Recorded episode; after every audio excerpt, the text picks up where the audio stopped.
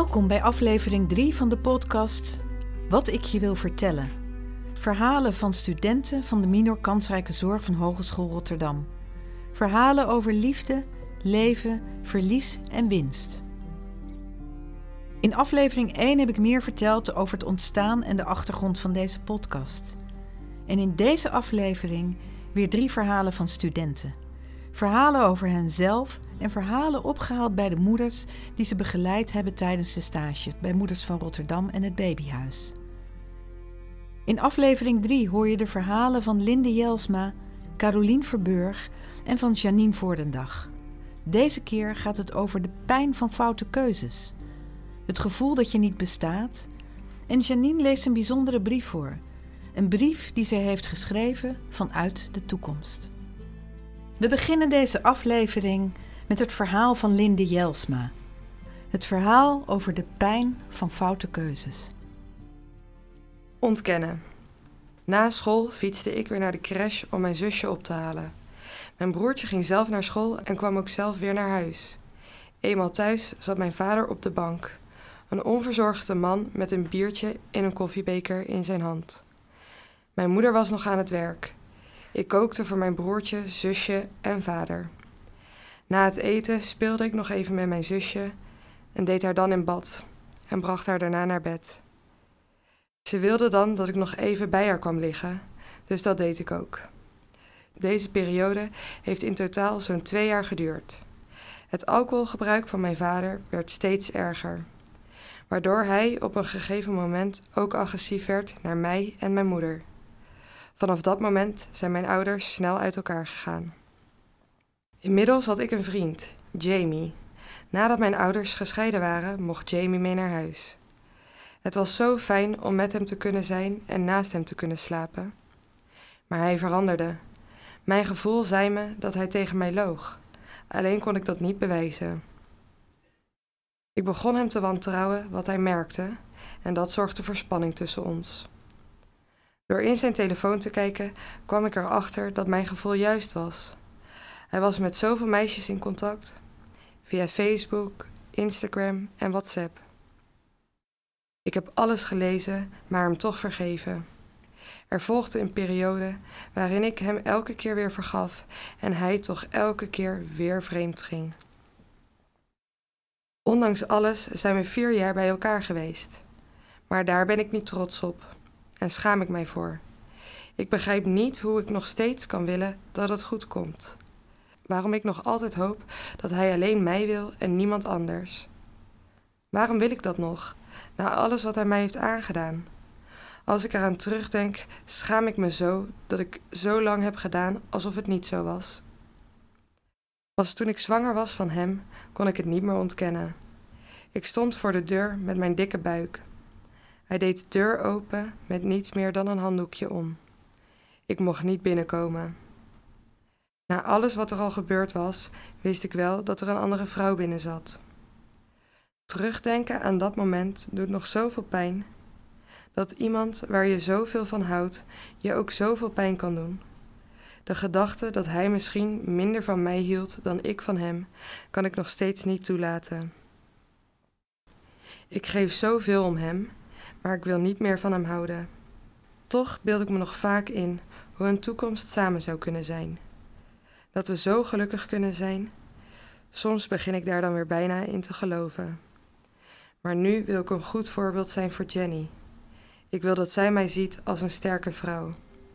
En ik zal er alles aan doen om haar een gelukkige jeugd te bieden. Linde, dankjewel voor het verhaal.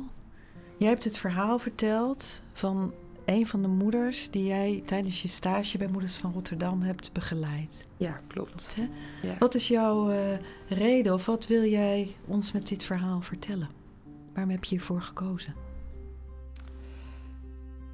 Ik denk met name omdat uh, iedereen heeft zo snel een oordeel over elkaar. En uh, je oordeelt zo snel van, oh dan ga je toch weg bij die foute man. Um, en dan ben je uiteindelijk zwanger van die foute man en dan moet je dat allemaal zelf doen. En daar kwam zoveel emotie bij haar naar voren. En ze zei ook zo vaak tijdens het gesprek dat ze zich ervoor schaamde. dat het zo gelopen was. En ik denk dat het gewoon heel belangrijk is dat je als mensen tegenover elkaar kunt zitten in de zorg zonder daar een oordeel over te hebben hoe de ander bepaalde dingen heeft gedaan. Je zegt dat je dat belangrijk dat is voor de zorg. En waarom is dat belangrijk? Omdat zodra je gaat oordelen, ga je uh, ook op een andere manier naar mensen kijken. Ik heb het gevoel zelf dat zodra je dus op die andere manier naar uh, patiënten of cliënten zal kijken, je ook andere zorg zal leveren. Dat je niet uh, volledig in wil zetten voor iemand omdat je vindt dat diegene bepaalde dingen misschien ook wel aan zichzelf te danken heeft. Terwijl als je dan even uh, misschien in de schoenen van de ander gaat staan, dat je het veel beter zou kunnen begrijpen. Hoe was het voor jou om uh, zo naar het verhaal van iemand te vragen? Ik had eerst met haar wel echt al, haar had ik al heel vaak gezien en um, op een gegeven moment was ik ook bij haar thuis en zei ik, nou dan komen we volgende week weer. En dan zei ze ook, oh gezellig. Dus dan heb je al wel het idee dat je echt een klik met haar hebt. En toen heb ik het, heb ik het uh, ingeleid van, nou ja, ik uh, wil graag eens met je in gesprek over hoe jouw leven is geweest. Ik heb gewoon verteld van ik begin helemaal in het begin van, ze woonde nog in Polen vroeger. Daar begin ik. En misschien dat ik op een gegeven moment um, wat meer vragen stel over iets wat je vertelt dan over iets anders wat je vertelt. Maar ja, dat, ik, dat ze ook zelf mag kiezen wat ze wil vertellen natuurlijk, waar ze meer over wilde vertellen. En eigenlijk heb ik dus ook vooral gemerkt dat ze heel veel over die relatie met haar ex-vriend wilde vertellen. Dus eigenlijk is het, is het gesprek ook daarbij, daar alleen maar over gegaan haast. Terwijl er al heel veel dingen daarvoor zijn gebeurd. En jij gaat eh, binnenkort afstuderen als verpleegkundige. Ja. Is er nog iets uh, wat jij meeneemt in je rol als verpleegkundige? Nou, ik heb nu na de minor, als ik nu zo terugkijk op überhaupt mijn hele opleiding, heb ik eigenlijk gezien hoe snel je uh, gaat oordelen over mensen. Ik wil proberen om gewoon mezelf te blijven en heel onbevangen te blijven. Niet iemand veroordelen omdat die, uh, ja, nou ja, van die voorbeelden van in een vies huis wonen of in de schulden zitten. Dat je niet iemand daarom andere zorg gaat geven dan iemand die het wel helemaal doet zoals jij. Het tweede verhaal in deze aflevering is van Caroline Verburg. Het gevoel dat je niet bestaat. Buitengesloten. Ik ben waardeloos. Dit is het enige wat ik kan denken. Mijn mening doet er niet toe. Dit kreeg ik vaak te horen van mijn familie. Zo vaak dat ik erin ben gaan geloven. Waarom ze dat deden, ik heb geen idee. Zal mijn dochter ook zo over mij gaan denken? Nu zij in mijn leven is, laat ik mijn mening wel vaker horen. Ik wil dat mijn dochter weet dat ik voor haar zal vechten. Dat ze weet dat haar moeder voor haar en voor zichzelf kan opkomen. Ik woonde in huis bij mijn tante en nichtje. Het gevoel dat ik daar welkom was, heb ik nooit gehad. Ik voelde me buitengesloten. Zoveel gesprekken tussen hen twee, waarbij ik me afvroeg of ik wel zichtbaar was. Wanneer ik iets zei, werd er niet gereageerd. Op een gegeven moment zei ik daarom maar niks meer. Misschien vraag je je af waarom ik bij mijn tante en nichtje woonde. Dit was omdat mijn moeder geen vaste woonplek had. Mijn moeder die werd zwanger van mij toen ze 15 jaar was. Het verantwoordelijkheidsgevoel dat bij het moederschap hoort, heeft zij nooit gevoeld. Hierdoor woonde ik als klein meisje bij mijn oma en later, toen ik wat ouder was, bij mijn tante. Thuis had ik het gevoel dat ik niet bestond, maar gelukkig had ik mijn lieve vriend. Hij was mijn echte thuis. Hij was er altijd voor me, tot hij dat niet meer kon. Ik verhuisde namelijk naar Kaapverdië. Dit is het land waar ik oorspronkelijk vandaan kom. Ik ging hier naartoe omdat ik daar mijn eigen kapperszaak wilde beginnen. Dit was mijn droom. Mijn vriend wilde hier niet met mij mee naartoe en zag een lange afstandsrelatie niet zitten. Hierdoor is onze relatie kort voordat ik wegging uitgegaan. Toen ik de eerste week in Kaapverdi was, ging ik veel uit. Ik had verdriet. Tijdens het uitgaan ontmoette ik een jongen.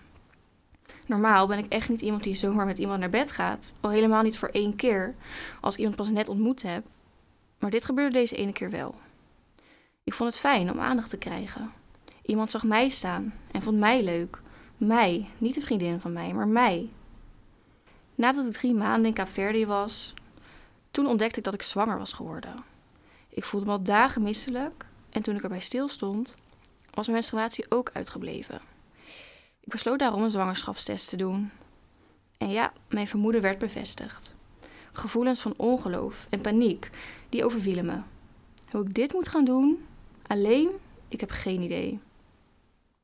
Maar toen ben ik via iemand van Moeders van Rotterdam in contact gekomen met het babyhuis. Hier mocht ik komen wonen. In het babyhuis hebben ze mij geholpen om mijn leven weer op de rit te krijgen. Daarnaast hebben ze mij begeleid in een nieuwe moederschap. Want hoe voor een baby te zorgen? Ik had geen idee. En vanuit het babyhuis ga ik nu eindelijk op mezelf wonen. Ik krijg namelijk over twee weken de sleutel van mijn eigen huisje, samen met mijn dochter. Carolien, jij hebt uh, gekozen om het verhaal van een van de moeders die je hebt begeleid of waar je mee hebt gesproken te vertellen. Ja. Wat is uh, voor jou de reden om dit verhaal te kiezen voor onze podcast? Nou ja, dit, dit verhaal kwam eigenlijk heel spontaan uh, dat ze me dit vertelde. We zaten samen op de bank en toen, het was in de avond. En ineens toen, ja, toen begon ze eigenlijk het verhaal te vertellen. En het begon ermee dus dat ze zich iedere dag uh, waardeloos voelde. En ik was daar zo van geschrokken, omdat ik een heel ander beeld van haar had. Ik zag haar echt als een. Uh, ik zie haar nog steeds als een hele sterke vrouw met heel veel zelfvertrouwen. Maar zo zag ze zichzelf niet. En dat had bij mij heel veel indruk achtergelaten. Ja, ik vond het gewoon een heel moment, mooi moment tussen ons. En uh, vandaar dat ik dit verhaal heb gekozen. Je bent een opleiding voor verloskundige. Ja. En wat neem jij mee uit de minor en of uit je stage naar je toekomstige beroep? Um, ik ben sowieso iemand die heel erg wel naar de persoon kijkt, maar ik doe dat nu nog meer. Want ik, ik heb met meerdere moeders gehad dat ik ze soms overschatte. Zeg maar dat ik um, bijvoorbeeld niet door had dat ze bepaalde um, kwetsbaarheden had, bepaalde hulpvragen. En ik denk zeker als je verloskundige bent, gaat niet iedereen dat gelijk aan je vertellen. Uh, ik denk dat het heel belangrijk is om daar doorheen te kunnen prikken en goed door te vragen. Dat het echt belangrijk is om een vertrouwensband op te, op te bouwen. En daar wil ik me echt heel erg op gaan focussen. En ik denk dat ik daar uh, nu iets beter in ben geworden uh, dankzij mijn stage. Het derde verhaal in deze aflevering is van Janine Voordendag. Janine leest een bijzondere brief voor. Een brief die zij heeft geschreven vanuit de toekomst. Een van de opdrachten in de minor was om een brief uit de toekomst naar jezelf te schrijven. Ik heb ervoor gekozen om deze brief uit de toekomst vanuit Kenia te schrijven. Graag lees ik mijn brief voor. Een brief uit de toekomst. Februari 2022, Kenia. Nog een kleine twee weken. Dan ben ik weer terug in Nederland. Een heel gek idee om na een periode van ongeveer anderhalf jaar terug te gaan naar Nederland. Het land waar de hartslag van de baby tijdens de bevalling elke 10 minuten geluisterd wordt, waar vrouwen bij ieder termijn precies weten wat de omtrek van het hoofd is, en het land waar met een grote ballon, gevuld met roze of blauwe poeder, het geslacht van de baby bekend gemaakt wordt. Vandaag was ik getuige van een doodgeboren kindje. Dit is de achttiende keer in de periode dat ik hier ben. Het greep mij vandaag extra aan. En waarom dat zo was, ik heb werkelijk waar geen idee. Ik denk dat het besef van de Nederlandse cultuur vandaag weer even om het hoekje kwam kijken. De cultuur van door blijven gaan, ook al is er net een kindje overleden op de afdeling. Wij zijn immers de professionals en wij zijn nodig bij de rest van de bevallende vrouwen. De moeder van dit levenloze kindje was zo lief voor ons. Ze gaf me een lange knuffel voordat ze aan haar tocht naar huis begon. Ik weet niks van haar, behalve dat haar babytje ongeveer 30 weken oud moet zijn geweest. Op te vragen of dit mevrouw haar eerste kindje was, hoe haar zwangerschap was verlopen en waar zij vandaan kwam, kon mevrouw geen antwoord geven. Mevrouw kon geen woord Swahili en ze sprak al helemaal geen Engels. Welke taal het wel was wat mevrouw sprak, dat kon geen collega op de afdeling ontcijferen. En dat terwijl wij hier met momenteel 14 nationaliteiten bij elkaar werken. Door deze vrouw moest ik ook veel denken aan mijn stageperiode bij Moeders van Rotterdam. In de miniperiode van het derde jaar van de opleiding tot verloskundige. In deze periode heb ik geleerd hoe ik present moet zijn bij kwetsbare, zwangere vrouwen. Ook bij vrouwen met een taalbarrière, waardoor vrouwen nog meer waardering voor jou hebben. Gewoon omdat je er bent. Het present zijn in de verloskundige zorg, zowel in Nederland als hier in Kenia, verschilt niet veel van elkaar. Tijdens een van de eerste lessen in de opleiding heb ik geleerd dat het present zijn tijdens de zwangerschap en de bevalling soms meer van waarde is dan het uitvoeren van een onderzoek. Dat heb ik ook tijdens andere stages ontdekt. Ik begeleidde laatst een kraamvrouw waarbij de borstvoeding niet verliep zoals zij hoopte dat het zou gaan.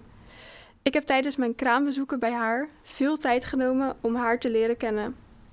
Deze kraamvrouw was voor mijn stageperiode overgedragen aan het ziekenhuis en na de bevalling weer teruggekomen voor zorg. Ik heb gesprekken met haar gevoerd. Gesprekken over hoe de naam van haar kindje tot stand is gekomen, over welke tractatie zij haar bezoek voorschotelde en over hoe haar shampoo nog lekkerder rook als zij haar haren met koud water afspoelde. Tijdens deze gesprekken voelde ik soms de ogen van de verloskundige in mijn rug prikken. Wat is zij nu allemaal aan het doen? was vast haar gedachte. Toen ik het kraambed bij deze vrouw na vier bezoeken in negen dagen afsloot, bedankte zij mij oprecht voor mijn aanwezigheid. Voor die lieve arm op haar schouder. Voor het benoemen dat ik vond dat zij het goed deed.